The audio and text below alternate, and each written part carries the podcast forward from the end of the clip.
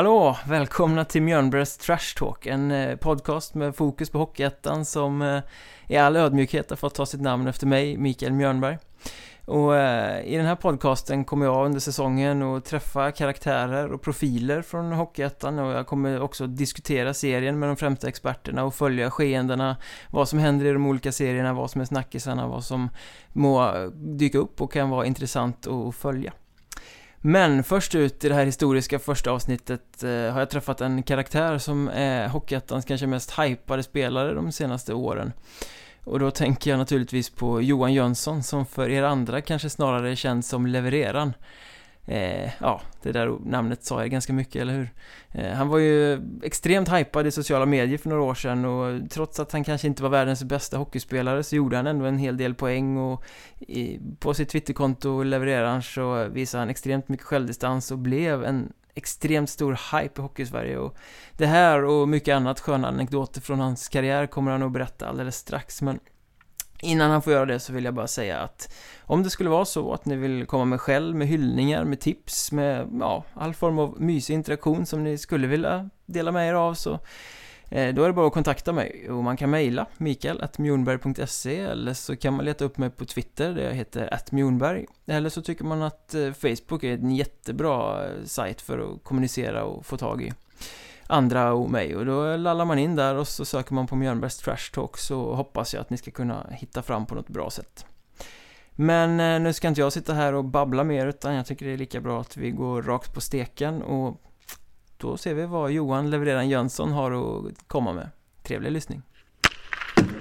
Jaha, då sitter vi här på levererarens balkong och tittar ut över ett eh, soligt men ganska blåsigt Malmö och Malmö, det är väl ett ganska otippat ställe att hitta dig kan jag tycka.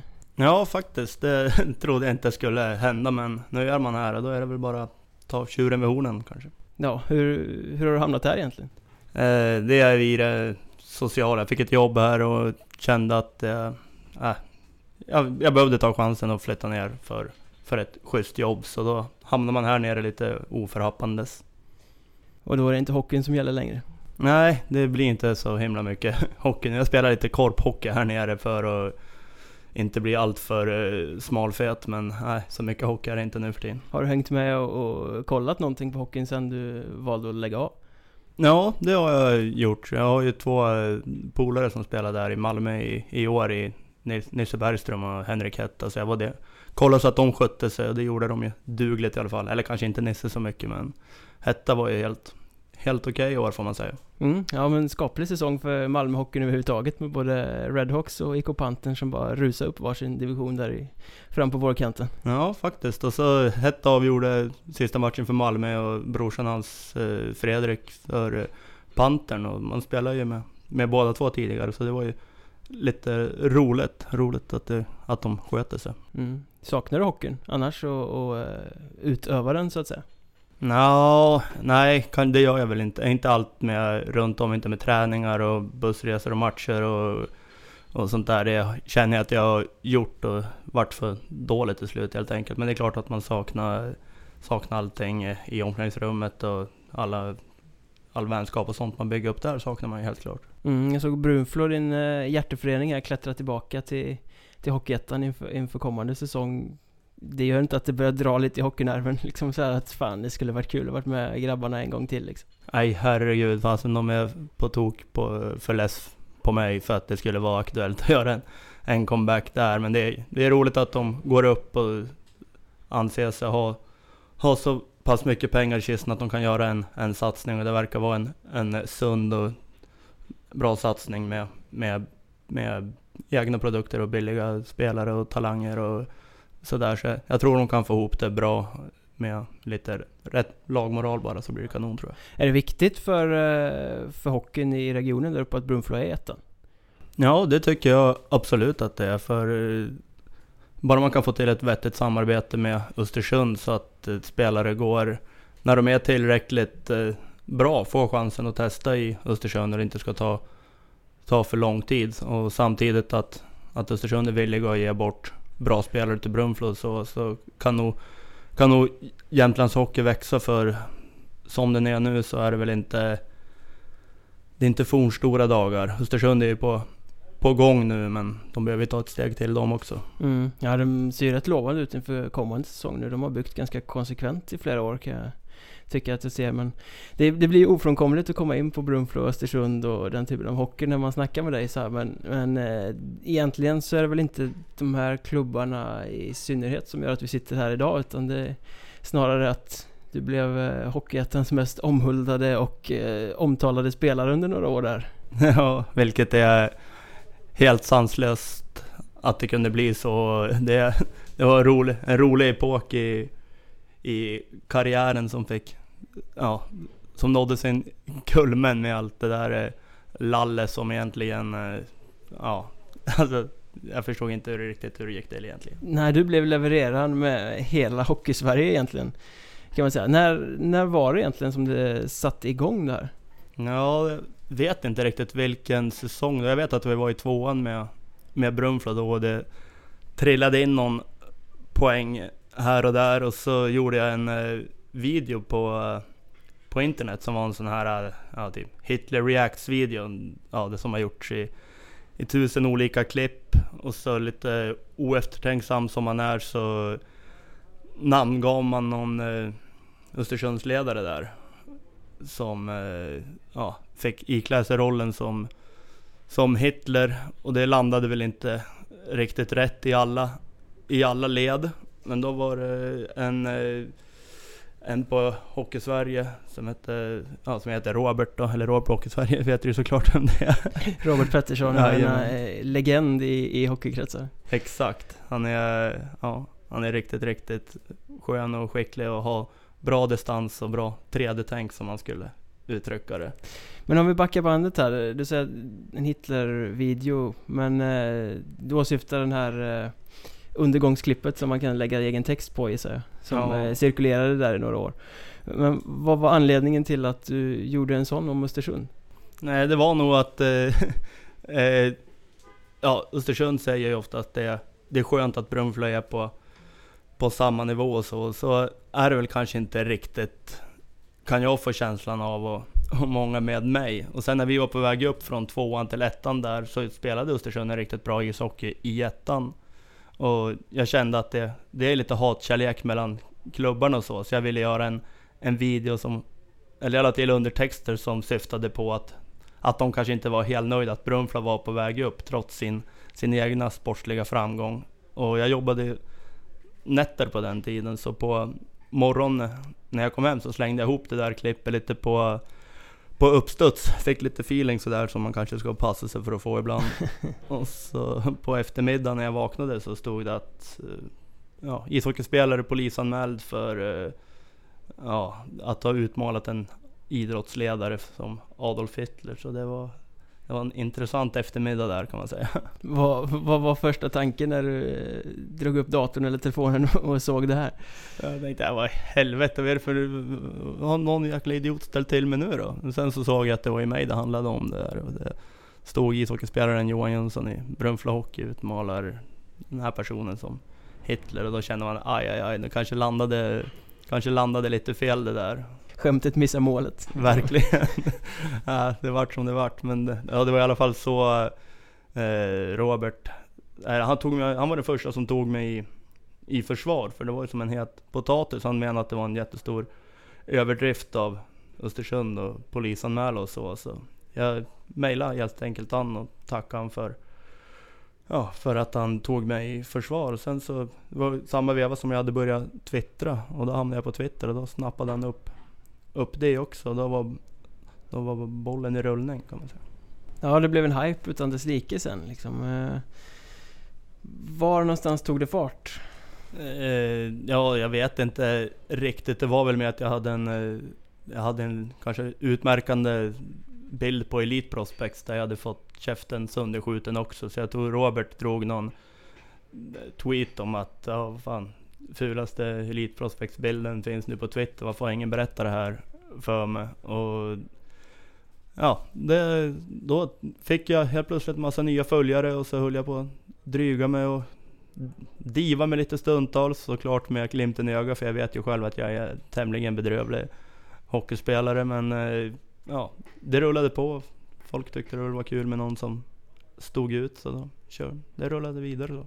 Hände det också att folk störde sig lite på att du vågade kalla dig för just levereraren? Att, jag menar i, Jante-Sverige så ska man inte gärna vara den som eh, talar om att det är jag som gör poängen här va? Absolut, det är, det är roligt. Jag gjorde någon, ett tag senare gjorde jag någon rätt dryg intervju där jag låtsades vara eh, ja, Guds gåva till ishockeyn. Och det vet jag, jag är fullt medveten om att jag inte är det. Men eh, där stod det på diverse forum att vad fasen, jag har ju sett han spela, han är ju fan helt bedrövlig. Och tror han att han är NHL-stjärna så där. Folk kan vara väldigt, väldigt eh, distanslösa ibland. Ja, lika mycket som Hitlerskämtet missade målet så missade de kanske poängen i, i levereraren att det var väldigt mycket glimt i ögat. Ja, exakt. Och, det, och då blir det nästan roligare bara att, att fortsätta och, och rulla vidare på, på, på det sättet med de skämten och med ja, sen så har man ju fäbless för ordvitsar och sådär. Så det var mycket, alltså under, under en period där så var det mycket drygheter man höll på med på, på Twitter och diverse. Ja, det var ju som att alla visste vem du var, även om ingen visste vem du var. För ingen hade sett dig spela, men alla visste att du levererade poäng så att säga. Eh, vare sig det var poäng på isen eller poäng i humorkolumnen. ja, jo, lite, lite så kanske det var. Man har nog gjort jäkligt många besvikna på bortamatcher och tänkt nu ska man få se honom spela. Och så har de sett att den inte kan göra översteg åt höger och då har de väl blivit lite, lite besvikna kanske. Men jag tror de flesta har nog köpt hela, hela grejen ändå tror jag. Hur stort var det när det var som störst? Hur mycket följare hade du? Jag vet faktiskt inte hur många följare jag hade på Twitter. Det, där får du fråga eh, Robert om. Jag tror han har mer koll på, på det där än vad jag har. Det var, jag var ju hans lilla skötebarn där kändes det som. Men nej, jag måste väl ha nått en 4-5 tusen känns det som ändå. Jag ja. vet inte, jag har ingen aning. Hade du någonsin kunnat förvänta dig att det skulle bli så stort som det blev? Nej, det hade jag ju inte. Det hade jag ju inte gjort. Helt klart inte. Det var ju som ingen baktanke eller någonting någonting jag alltid gillat och försökt och fått folk att skratta och ha roligt och ja, utmana lite. Vara lite provocerande ibland men ändå hålla mig på rätt sida om gränsen, vilket jag kanske inte alltid har lyckats med. Men att det fanns, nej jag trodde aldrig att det skulle, jag trodde aldrig att mer än 200-300 följare skulle orka följa mig under så lång tid, det trodde jag inte. Nej, hur lång tid var det egentligen? Det var några säsonger där som du ja, höll i där? Det vart nog ett par, tre säsonger tror jag. Alla gånger. Så. Men eh, när hockeyn tog slut så kände jag att det är lika bra att klappa igen det här kontot för då var man rätt orelevant igen kändes det som. Ja, har du smugit tillbaka in under radarn efter att eh, du slutade liksom? Nej, jag har inte, jag har inget eh, Twitterkonto men eh, ibland så blir länkas det till tweets och sådär. De, de roligaste tweetsen har jag nog fortfarande lite, lite koll på ändå. Men alltså det var ju jävligt roligt med den här hypen eh, För dig givetvis, för alla oss andra runt omkring som följde det med stor spänning liksom. Du blev ju en karaktär med Hockeyettan på det sättet men eh, Bortsett från att det var jävligt roligt fanns det en enorm baksida med att plötsligt vara leverera.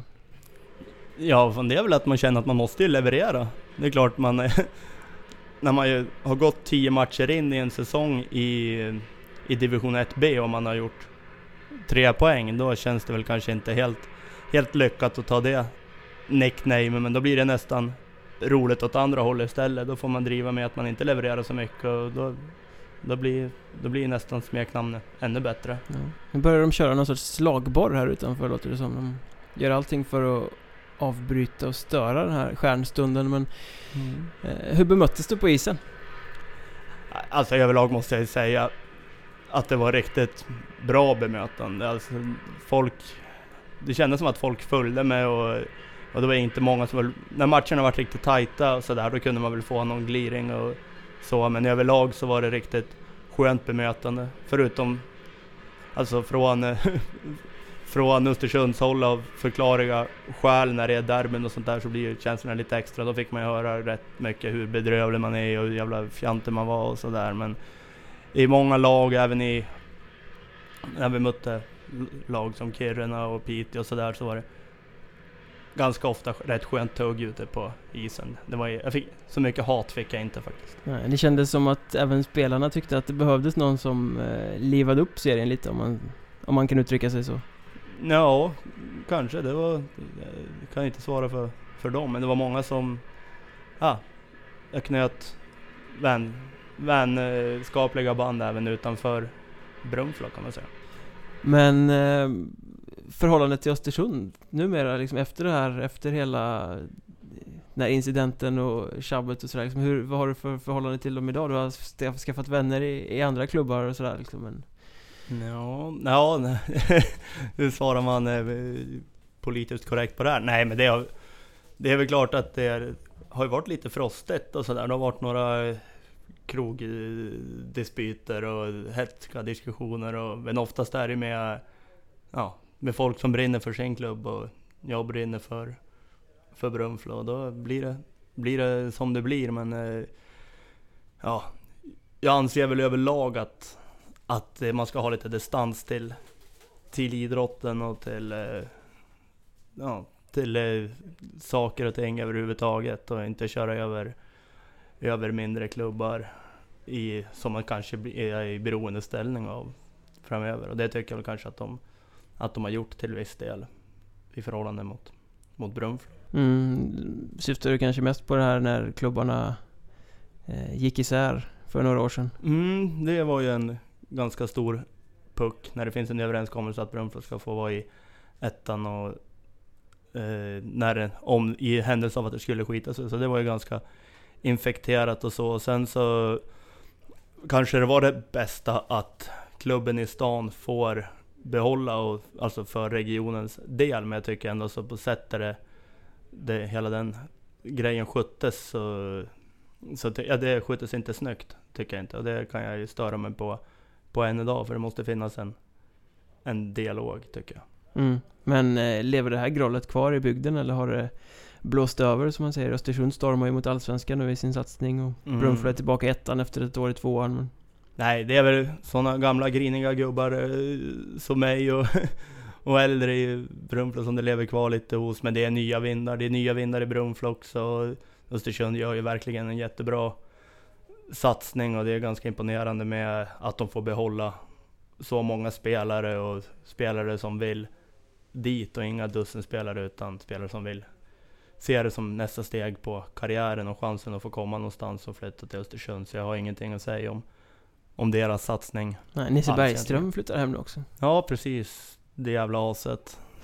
Men, eh, ja, äh, jag, han har skrivit på för tre år där och ser ju framtiden sin i, i Östersund och det, jag hoppas ju att det går. Jag hoppas att, helt handen på hjärtat, att det kommer gå jättebra för både Nisse och och Östersund, för det skulle vara kul att se allsvensk, allsvensk hockey där uppe och det kommer inte hända med, med Brunflo. det tror jag inte. Han har inte legat på dig för en comeback? Komma tillbaka och leverera i Östersund? Nej, fasen han har ju sett vilken form han är i så det, han, nej det vill han ju absolut inte men ibland så säger han det väl för att vara, för att vara snäll men det, nej det är inte så att han har tjatat direkt. han vet att det skulle vara lönlöst att försöka prata med Östersund om att få en och, och komma tillbaks till Östersund. Sen att han skulle vilja ha mig i Brunflo för att få skicka in någon propp på mig. Det, det får väl vara, stå upp för han. Vad hände förresten med den där polisanmälan? Nej, den lades ner. Jag gick ut med en offentlig ursäkt och för det, det land, alltså uppenbarligen så landade det fel hos mycket personer och Eh, den eh, familjer som tog illa upp som kanske inte riktigt var insatt i, i att det var i grund och botten att det var humor det handlade om. Jag förstår att det landas, landar fel hos folk och det vill jag inte. Jag vill inte vara ett, ett as sådär. Så när jag gick ut med ursäkten som var välmenad, då drog de tillbaka eh, anmälan. Så det var ju, det var ju skönt. Men om man hårdrar det hela så skulle man nästan kunna dra slutsatsen att utan polisanmälan så är ingen karriär som eh, Spelevinken levererar. ja, ja, så är det. Ja, kanske man hade haft en, en, karriär, men då hade det varit för farmor och farfar och farsan och morsan och flera hade inte vetat, vetat om men. Men vad, vad var det mest liksom oväntade som hela, den här, hela det här spektaklet ledde till? Jag tänker på just levereran hypen och vad var det liksom som du aldrig någonsin hade kunnat tänka dig inför som hände? Nej, det är väl helt klart när, eh, när jag och eh, Robert åkte över till, eh, USA och var där i fem veckor och skrev om lite eh, NHL-hockey och gick på spelningar och testade nöjesfält och allting sådär under, under Hockeysveriges flagg. Och det hade man ju inte, det hade man inte gjort om det inte vore för, för hela levererande grejen. Så det, det känns ju osannolikt. Är minne för livet. Ja, ibland studsar pucken rätt som man säger. Jajamän, ibland ska den ta på benskydd och in. Men om vi liksom bortser från hela det här spektaklet. Du var ju faktiskt inte en jättedålig spelare heller när du höll på. Det är ju inte helt taget ur luften. Du har ju levererat en hel del poäng i, i eh, både ettan och tvåan. Ja, jo det är väl klart att några pinnar har det ju blivit. Men det jag har alltid haft, när jag har öst som mest poäng så har det ju haft sina förklaringar. På division 1 nivå när jag hade bästa säsongen där, så då spelade jag ju med Nisse Bergström och Henrik Hetta. Och alltså, det blir mycket gratispinnar då. Det är två så bra spelare och, och, och bolla med. Så det går inte att säga någonting om det. Och sen i, i Brunflo när det var på i division 2 där gjorde jag ju rätt mycket poäng också. 94 poäng på 29 matcher närmare bestämt om uh, Elite Prospect stämmer. Ja, ja, det kanske var lite lågt räknat av Elite Prospects där men... 50 kassar! ja, jag missar mycket. Nej, men det var en... Eh, då var det också... Det var inte en bra, bra serie. Division 2 det året uppe i norr var inte direkt som Division 2 söderöver. Så det, det är väl ingen snack om den saken. Men det är klart att jag har väl alltid haft känsla för att göra mål och poäng och så, men jag har... Ja, jag har, jag har levt mycket på att spela med bra, bra medspelare också, handen på hjärtat. Håller jag på att förstöra hela min image här nu känner jag kanske, men ja. Nej, vi får klippa bort det sen. Ja. men du har ändå varit ganska hemkär kan man säga. Det är inte många klubbar utanför Jämtland som finns på CVt. Nej, precis. Men med tanke på poängleveransen, har du någon gång varit på gång? Du hamnade i Vimmerby en säsong, men har du varit på gång någon annanstans någon gång? Ja, det var efter säsongen där med, med Nisse och Hetta där jag gjorde, ja, vet fan vad det var, 60 någonting på 35 matcher eller någonting. Då fick jag faktiskt ett kontraktförslag från högsta ligan i Frankrike som, som jag höll på att vela på om jag skulle skulle ta eller inte. Det var, allting såg ju jättebra ut på pappret, men så började man kolla upp på vilka spelare som hade varit i den där klubben, Morsin, eh, någonting heter den. Då tänkte jag, fasen där är ju gamla elitseriespelare och det är gamla elitseriespelare och så här, så det kändes som att Nej, äh, fan jag blir hemskickad efter ett par, tre veckor i den här klubben. Så jag vågade aldrig riktigt ta den chansen och det kan man ju det kan man ju ångra idag att man inte gjorde. Och, ja, men, då, men efter den säsongen så gick det mycket snack om ganska fina klubbar som jag var, som jag var på väg till. Men riktigt nära var det aldrig någonstans egentligen utom, utom Frankrike just. Ja. ja. men om man tittar på franska ligan idag så är det ju ganska mycket spelare från Hockeyettan utan några större meriter som åker dit och ja, lyckas helt skapligt och gör en hel del poäng och sådär liksom. Mm. Kan, när du ser sånt, blir det liksom att du känner att, aj vad fan gjorde jag inte det där för? Jo, det gör man väl absolut. Man, jag hade ju som inte haft någonting att förlora på att åka iväg. Jag hade jobbet kvar hemma och jag hade ju redan frågat chefen om jag kunde få tjänstledigt för att göra det och så. Så det hade inte varit några, några problem. Men jag vet ju även att det kontraktsförslaget fick jag bara på någon snubbe där nere satt och kollade på Elite Prospect, vilken som hade gjort poäng. Och det hade jag gjort om de poängen var...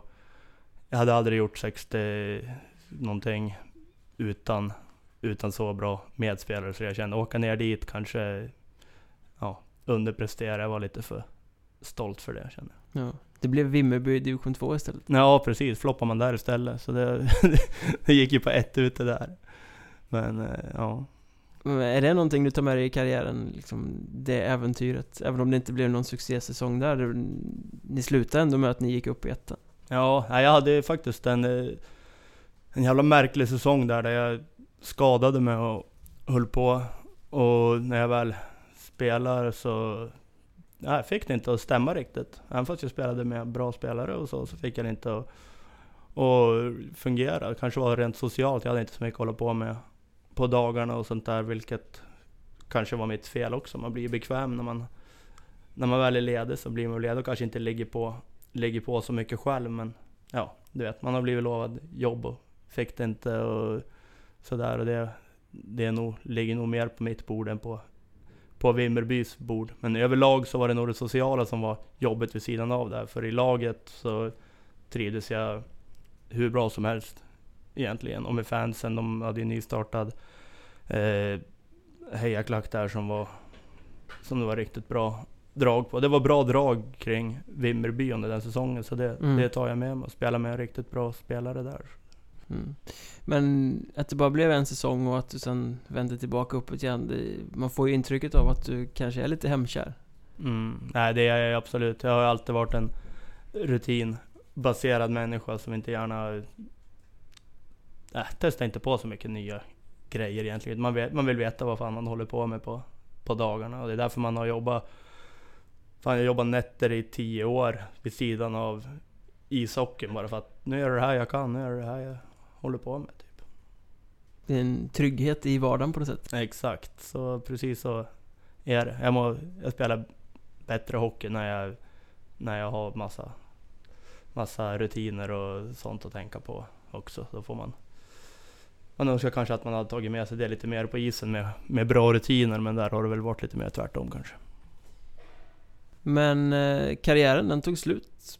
Du var inte jättegammal, du levererade fortfarande, eller ja, kanske inte sista säsongen då men ehm, Det Ja. känns ju som att du hade kunnat ta några bra år till. Jo, exakt. Men eh, där ju också landskapet ändrats lite i, i division 1. Förut var 31 eller var ingen ålder i, i ettan. Det var många 30, 31, 32-åringar som spelade ettan nu. Men nu har det ju blivit mycket yngre. Alltså, det är inte så många över 25 längre känns det som. Utan det, det skulle vara intressant att se någon uträkning på vad snittåldern har blivit. Alltså hur mycket yngre den har blivit. Men jag kände att äh, men man sitter i omklädningsrummet där och man är 7-8 år äldre än den som är näst yngst. Då är det inte...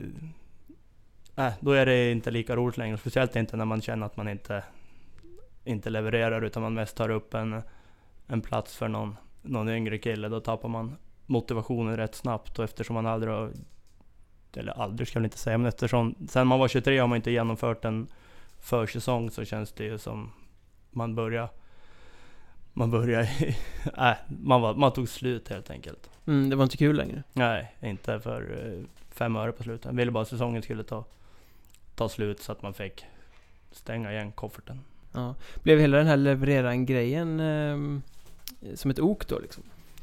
Eh, nej, ja det kan det väl. Nej det tycker jag inte. Kanske direkt när, det, när den blev. Och det var ju en hel sommar mellan ett par säsonger vi körde mycket på levererande och så här. Sen när säsongen väl drog igång så var det ju en stor hype och då ville man ju, eller man inbillade sig att fan nu kan jag kliva in och göra två pinnar i, per match i, i ettan här. Och det kunde man ju bevisligen inte göra. Men eh, så då är det klart. Men till slut så vart det bara, äh, vad fan. Det var inte det som var grejen egentligen med hela, hela levereran. Men, Du var ju kapten också. mm. Gjorde det att det lades extra ok på axlarna där när det gick emot och inte var så kul längre? Ja, och kanske när det var... Vi hade ju, vi hade ju tränarbyten och sånt där och det var lite Möten och liknande. Så det, det var... Alltså jag kan inte säga att det var tungt att vara kapten, för det har man varit tidigare också. Det är ingenting som jag har något problem med egentligen, men det var... Det vart... Eh, det, det rullade som ingenting i, i Brunflo den säsongen. Det var väldigt tungrott och vi gjorde det ju himla bra som fick ihop det så pass bra som vi fick ändå men nej, nej jag kan inte säga att, att jag var kapten. Nej, handen på hjärtat så spelade det egentligen ingen roll. Men du fick ändå avsluta med att rädda laget kvar i, i Hockeyettan? Ja, det fick jag väl göra. Jag, det var väl inte så mycket jag som räddade kvar men jag fick vara med om att, att hålla oss, oss kvar i ettan där. Så det var ju ett bra, ett bra slut och det är väl klart att eh, det får man väl ta med sig. Ja men var du nöjd där liksom? Kan du sit- sitta här eh, sommaren 2015, Malmö flashigare jobb på ett logistikföretag och tänka att jo men det var ganska bra där, den där slutpunkten ändå? Mm, nej, hade jag fått valt så hade jag ju nog velat varit med och i alla fall haft chansen att kvala uppåt som när vi var med Brunflo helt osannolikt nog så var vi bara några poäng från att, från att kliva upp i Allsvenskan där vi... Jag vet fan vad det var. 03-04 var det nog. Eller 04-05. Det har jag dålig koll på. Men eh, efter den säsongen, skulle jag, skulle jag få välja att göra, göra ett karriärslut så hade det hellre varit med, med en eh, succésäsong än en säsong där man med nöd och näppe klarar sig kvar. Mm. Om du får se tillbaka på hela karriären, vilket är liksom det, det bästa minnet? Det där som blommar upp som fan, det där det var bra att vara med om. Ja, det är, det är jäkligt svårt att, att peka ut Men den säsongen där vi kvalade mot Allsvenskan och var nära att ta vidare, den, då var det helt magiskt eh, lagsammanhållning. Vi var ju, alltså vi var ju långt ifrån det mest vältränade eller skickligaste laget eller någonting alls. Utan det var mycket, ja det är preskriberat nu, men det var mycket lagfester och sånt där och mycket stök som, som hände runt om. Men vi hade en himla, en himla bra, bra säsong där vi kunde få alla att dra åt samma, samma håll och alla köpte sin roll och var det någon som var ute och fyllna till, var det inget mer mer med det utan han fick bevisa mer på isen vart det skulle gå. Det var lite annat klimat på i Hockeyettan på den tiden än vad det är nu. Jag tror det har blivit mycket proffsigare. Ja, känner du att det har svängt liksom det där att uh, det är mer Det tas mer på allvar idag kanske än vad det gjorde för tio år sedan? Ja, det är jag helt övertygad om.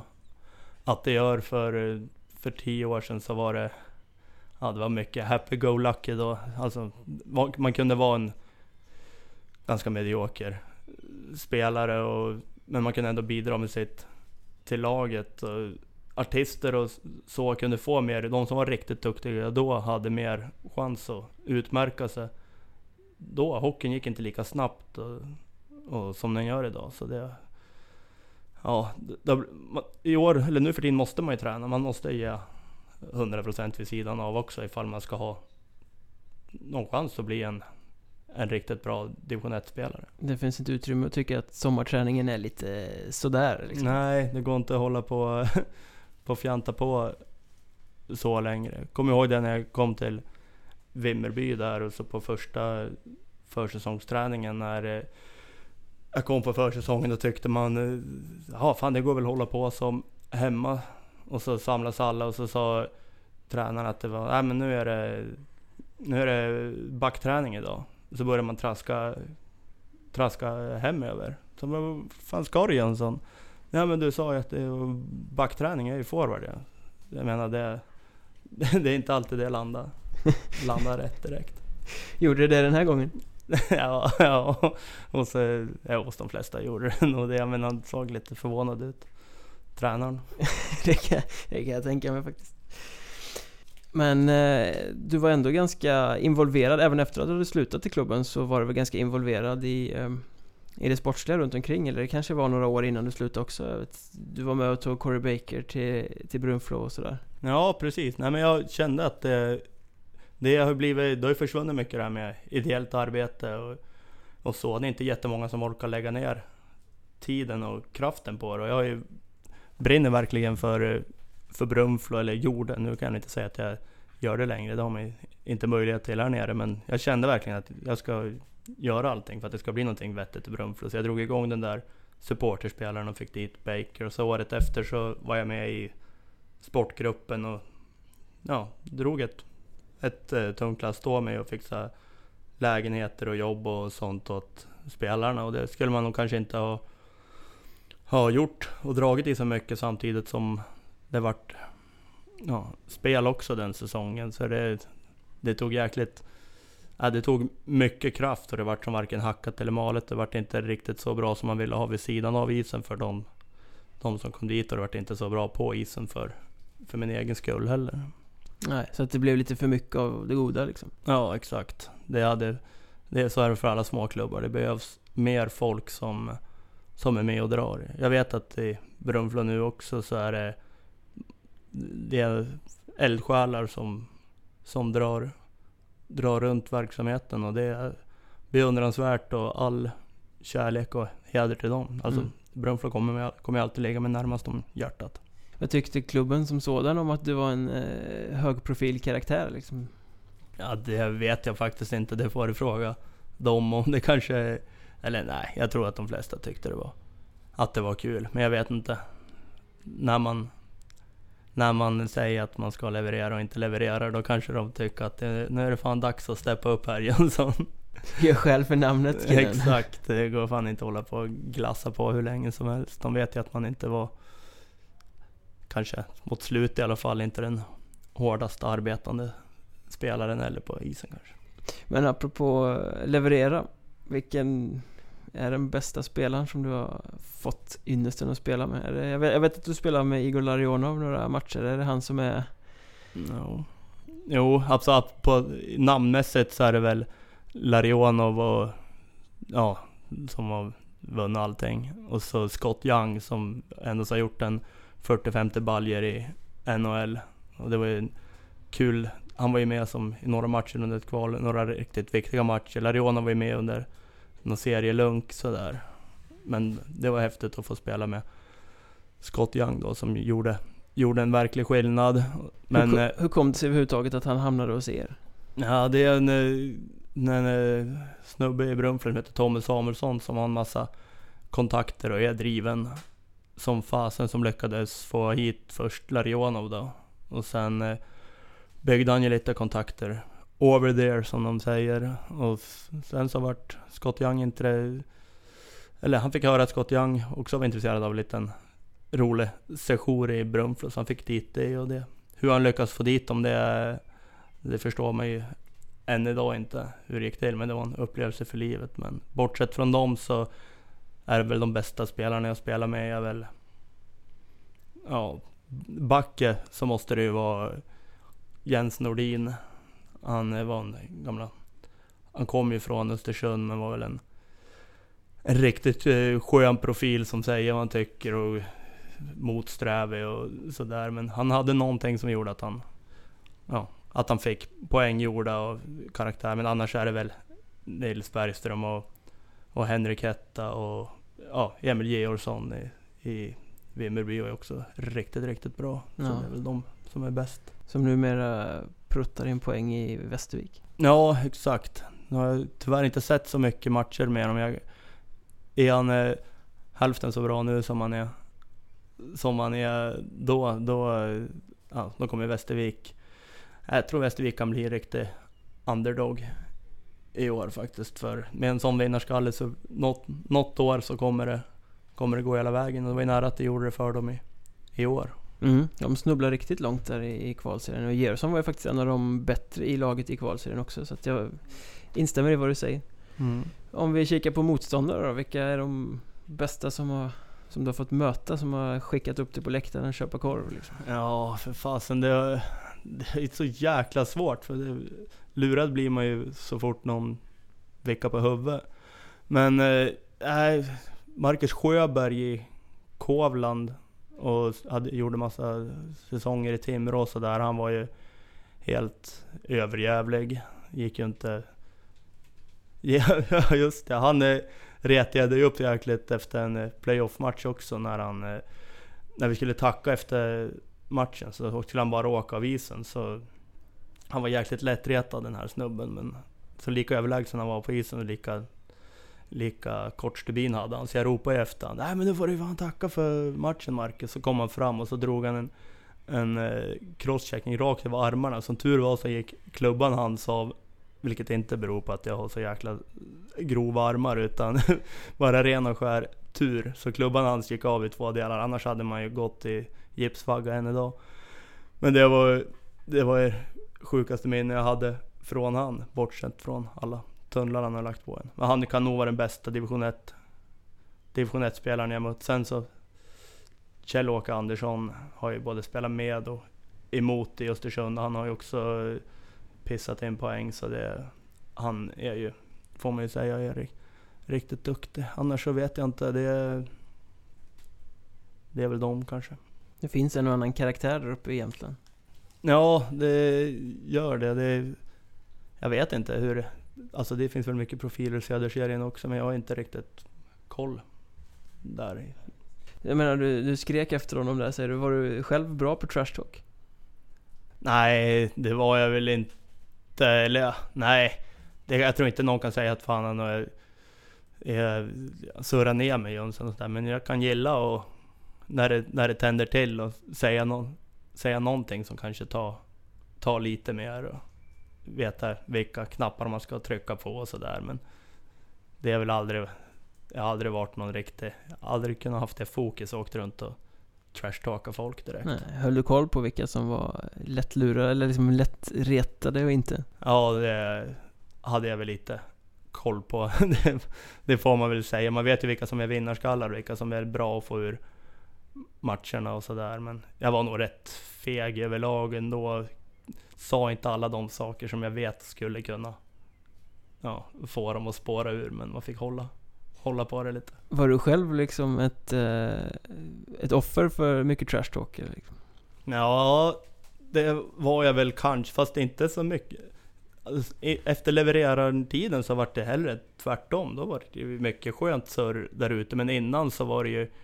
Alltså, folk är inte blinda. De ser ju att jag knappt kan åka skridskor och kan inte skjuta och sånt där. Men de stör sig ändå på att det trillar in någon pinne här och där. Så det är klart att de tar alla tillfällen och förklarar hur jävla oduglig man är. Mm. det, alltså, det garvar man ju bara jag, Det var nog jäkligt svårt att få mig ur, ur matcherna. För jag har som aldrig ja, tagit dig själv på så stort allvar. Nej, liksom. exakt. Men alltså du säger att det blev eh, mindre snack efter levererantiden. Det låter lite paradoxalt för det låter ju nästan som att det var då alla skulle vilja vara där och verkligen peta. Ja. Tror inte att du är något pysen. Nej, exakt. Nej, men... Nej, fast man får väl ge hockeyspelare har väl mer, mer distans än vad man ger dem cred för. Många gånger. Det var nog sämre med internetsupportrar och troll och så här. De kunde ju skriva ett och ett annat. Men eh, här på isen har det varit väldigt förskonad. Mm. Svarar du trollen? Ja, det försöker man ju göra. Det finns inget roligare än att, än att hetsa upp ett, ett troll. Nej, men det var ganska mycket troll kan jag tänka mig. Det, det är ju en sån här sak som inte passerar blida ögon om någon står ut. Nej, det var mycket. Vad fasen, jag har sett han spela. Han ser ju för fan ut som att det är första gången han står på is. Och, Kom igen eh, Jönsson, du är jävla pinsam. Och, ja, det var mycket, det var mycket oduglighetsförklaringar och sådär. Men det, det rör mig inte i ryggen alls. Nej. Men om vi spinner vidare på det här trash talk spåret vilka, Var det några spelare som man visste, eller som du visste under karriären när du gick in till match att den här killen, han, han är bra på det här, han kommer försöka snacka ner åtminstone de främsta i vårt lag? Ja, fasen kan det vara? Nej, däremot så största svinen man att spela mot, det är väl ändå han eh, Mike Danton som var i... I IFK Ore, en ja, Ore, gamla alltså, eh, NHL-polisen. Exakt, och så i eh, Kramfors var han ju när vi mötte Kramfors och vi låg i ettan och han gick ju dit. Han gjorde ju mycket poäng också men han... Fan, han var ju helt... Han körde sitt race kan man säga. Ja, vad var det som gjorde honom till svin då? Var han opolerad? Var han ful? Eller var det munnen som gick i ett? Ja men munnen gick i ett på honom och han var ful och for och körde fega tacklingar och körde över spelare som inte var i närheten av pucken hit och dit och sen så bara skrattade han och sen så var det ingen som vågade ta någon eh, fight med han eller någonting sånt där. Så det var... Ja fan, det var ju en nära döden upplevelse i en... Eh, eh, vid en avblåsning så sa jag fan nu, nu kör vi då Mike, för det hade kört ihop sig lite innan. Nu kastar vi handskarna. Och så han bara ja, ja, ja, let's do it. Så jag tänkte vad helvete har man gett sig in på nu? Men och sen när, eh, när teckningen väl gick, då lyckades, fick han ju pucken så han fick ju en en målchans i, istället så då passade man på att åka och byta så det inte skulle så det inte skulle bli verklighet av det. Så du har tänderna kvar än idag då? ja, ja, i alla fall eh, de tänderna, fast det är inte mina egna tänder det här heller. Men eh, han, han liksom levde upp till det ryktet han hade med sig när han kom hit i alla fall. Han visste vem han var och att han kunde leva på det i den svenska division 1-hockeyn. Jo, det kunde han nog. Han fick nog gå han fick nog vara ganska orörd ändå. Det är nog ganska många som har liknande historier där de säger att Ja, fasen jag skulle... Jag hade ju bra surr med, med Mike Danton, men det är nog inte många som verkligen vågar ta tjuren vid horden när det kom till kritan. Ser man som spelare, jag är ju totalt novis och aldrig stått i den här situationen själv, kommer aldrig att göra, uppenbarligen börjar bli gammal och gaggig.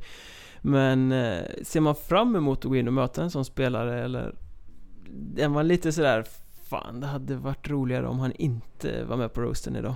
Ja, nej, man vill att han ska vara med. För det, när det är en sån pass prominent spelare och när han var så pass duktig som han var också så känns det som att det, fan, det, är inte, det är inte roligt att vinna över dem om, inte de, om man inte är med. Man vill ju vinna när, när de bästa är med och det blir bättre matcher och bättre tugg och man får lite mer adrenalin själv och man vet aldrig vad som ska hända och så. Så nej, jag, ingen, ingen spel, jag har inte mött någon spelare som jag inte vet, är äh, fan är han med idag eller inte? Det, nej, det kan jag inte säga. Finns det någon annan som du minns som hade bättre käft än klubba om man säger så? Åh oh, shit, det här är väldigt, verkligen svårt. Nej, det har nog varit mer nere på division 2 nivå. Det vill man ju inte hänga, hänga ut spelare på. Men där är det många som tror att de har varit, att de är Guds gåva till ishockeyn och så är de rätt värdelösa. Men så de är snabba att berätta för en själv hur värdelös man är. Så såg man, kollar man upp statsen på dem så har de fyra pinnar på 25 division 2 matcher. Och då vill man ju som förklara för dem att du är inte så jävla duktig själv kanske. Nej, då vill du gärna komma och säga att jag spelar 29 matcher och gjorde 94 pinnar. ja, det är, det är bra att dra det trumfkortet då faktiskt. Ja. Apropå äh, märkliga episoder och sådär så äh, cirkulerar det ju en historia om äh, en iPhone som följde med ut på isen. ja. Är det, är det något du kan kännas vid? Ja, tyvärr så får jag väl jag får väl säga att den, den stämmer tyvärr. Det var en, en eh, hemmamatch mot Teg var det nog. Och så hade jag Villa inne framför mål där och stod och gruffa och hur det gick till kan jag inte svara på än idag. Men eh, så vart det en avblåsning, jag åkte till båset och satt mig, så kommer eh, linjedomaren med ja, Det är någon som har tappat en, en telefon här, är det någon av er? Och jag visste ju på direkten att det var att det var min, men jag ville inte säga någonting då. Så jag började ropa bara, är det någons telefon? Är det en telefon? Nej, ingenting. Och sen så gick jag till eh, materialaren sen och sa att du, det är, nog, det är nog min telefon.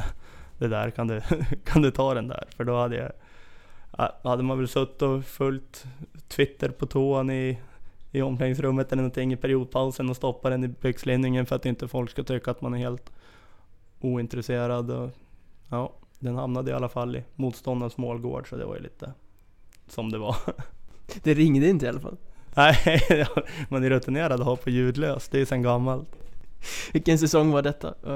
Ja, det var nog sista, sista året. I, ja, två år sedan kanske. Var, alltså, motståndarna måste ju ha garvat. Ja, liksom det var, det var en eh, direkt eh, när det hände så var det en tegspelare eh, som kom och sa att det där måste vara din Jonsson, det är väl du som har stått och twittrat någonting i powerplay här. det får man ge Jag kommer inte ihåg vilken, undrar om det var Palme Björk eller, nej jag kommer inte ihåg.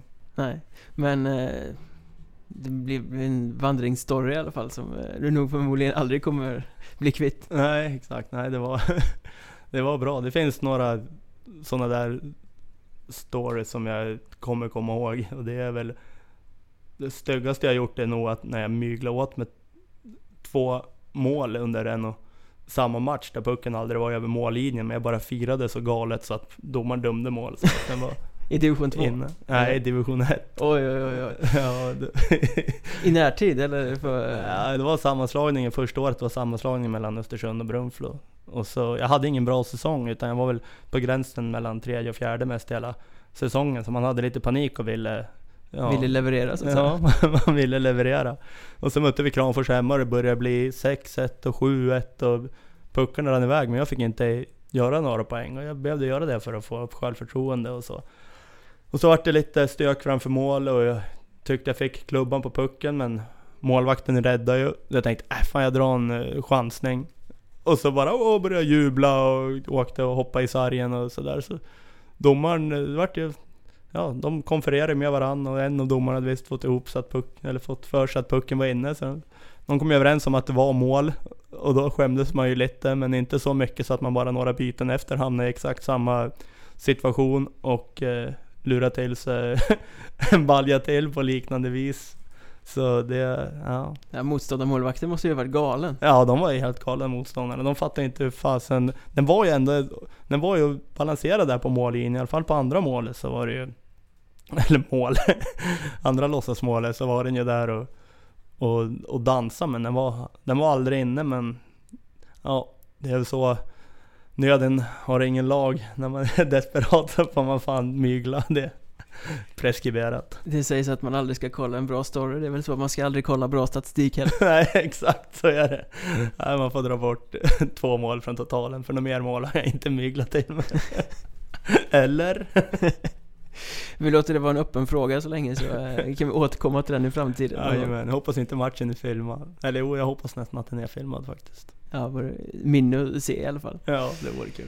Vi eh, snackade lite om den här legendariska Elite Prospects-bilden förut också, men eh, det sägs ju att det finns en rätt bra story bakom den också. Ja, faktiskt. Det, det var ett av de eh, snyggare målen man har gjort i sin karriär. Jag kommer ihåg att vi mötte Asplöven hemma med Brunflo, så hade vi en 5 och 3 Och samma sak där som med, med iPhone-storyn. Jag hade velat in eh, framför mål och fick ett direktslagskott i käften som... Ja, då studsade pucken in i mål efter att träffa käften. Så hela käken for ju bak. Så jag har ju tre tänder som inte är mina där idag. Men ja, nog snackat om det. När jag åkte till båset och vidare, fick eh, hjälp dit. Och sen när jag var i båset så hörde jag att eh, spiken sa Ja, mål av nummer 14, Joakim Emsjö. Och då vart man ju Började mumla där och försökte få folk att fatta att det var jag som gjorde mål. Så jag tror, ja, till slut så fick jag nog, nog målet, men jag vet inte fan om det var så, så värt ändå så här, när man ska summera karriären. Ett mål minus tre tänder? Jajamän, det är bra ratio. Är det någonting du saknar från, eh, från levererar-epoken? Om vi väljer att knyta ihop allting där? Mm, eh, nej, Ja, alltså det är klart att jag saknar att, att hänga på, på Twitter ibland. Alltså det är en jäkla grym grej det där. Och det, men det tar en sån himla tid. Men det är väldigt mycket sköna personer man, man börjar prata med och följer och få ett mervärde utav. Så det är väl eh, absolut det. Men annars är det, nej annars är det väl bara hur, hur eh, motståndare och så, ja jag varit positivt överraskad över att folk överlag var så skönt inställda till hela den, den grejen. Så det var, nej, jag, jag ångrar inte att det vart, att det vart en sån stor hype. Man får tacka, tacka Robban för det, men ja, jag hade inte gjort, jag hade inte velat att det skulle bli annorlunda på något vis. Men. Var det ett tufft beslut och det där trycka på krysset och stänga ner kontot? Nej, det, det, det, var det inte. Nu idag så kanske man hade valt att hålla kontot öppet för nu kan man inte få tillbaka nicket levererar men... Men... Nej, det var inget tufft. Just då var det inget tufft beslut för då... Fan, gjorde man inget annat än att sitta och fippla med telefon och det... Det blev ett heltidsjobb. Ja, ta en jävla tid. Kommer vi få se någon comeback på Twitter? Alltså kanske inte just som levererar men att, att du dyker upp för att återknyta bekantskapen med mm. Mm, ja, nej, jag stänger inga dörrar. som gamla hockeyklyschan. Vi får se vad som händer. Den som bäst betalt. Nej, nej, det är svårt att se att jag ska börja, börja twittra igen. Det, det tror jag inte. Inte som det känns. Inte som det känns nu. Man får adda mig på, på Facebook ifall man vill ha någon som Ordvitsar. Drygar sig bara. Ja. Lysande, det har varit eh, grymt trevligt att få sitta här på din balkong en liten stund. Ja, grymt eh, trevligt att du kom ner. Jävligt märkligt men ytterst, ytterst trivsamt har det varit. Ja, jag får göra om det till nästa säsong igen. Så jag har varit, eh, jag har grävt fram några nya stories och berättat. Ja, exakt. Jag får se vad jag kan uträtta i korpserien här nere i vinter. Jag kommer hålla koll. Ja, det är bra. Twitter eller inte. ja, grymt. Kul att du ville vara med. Ja, tack så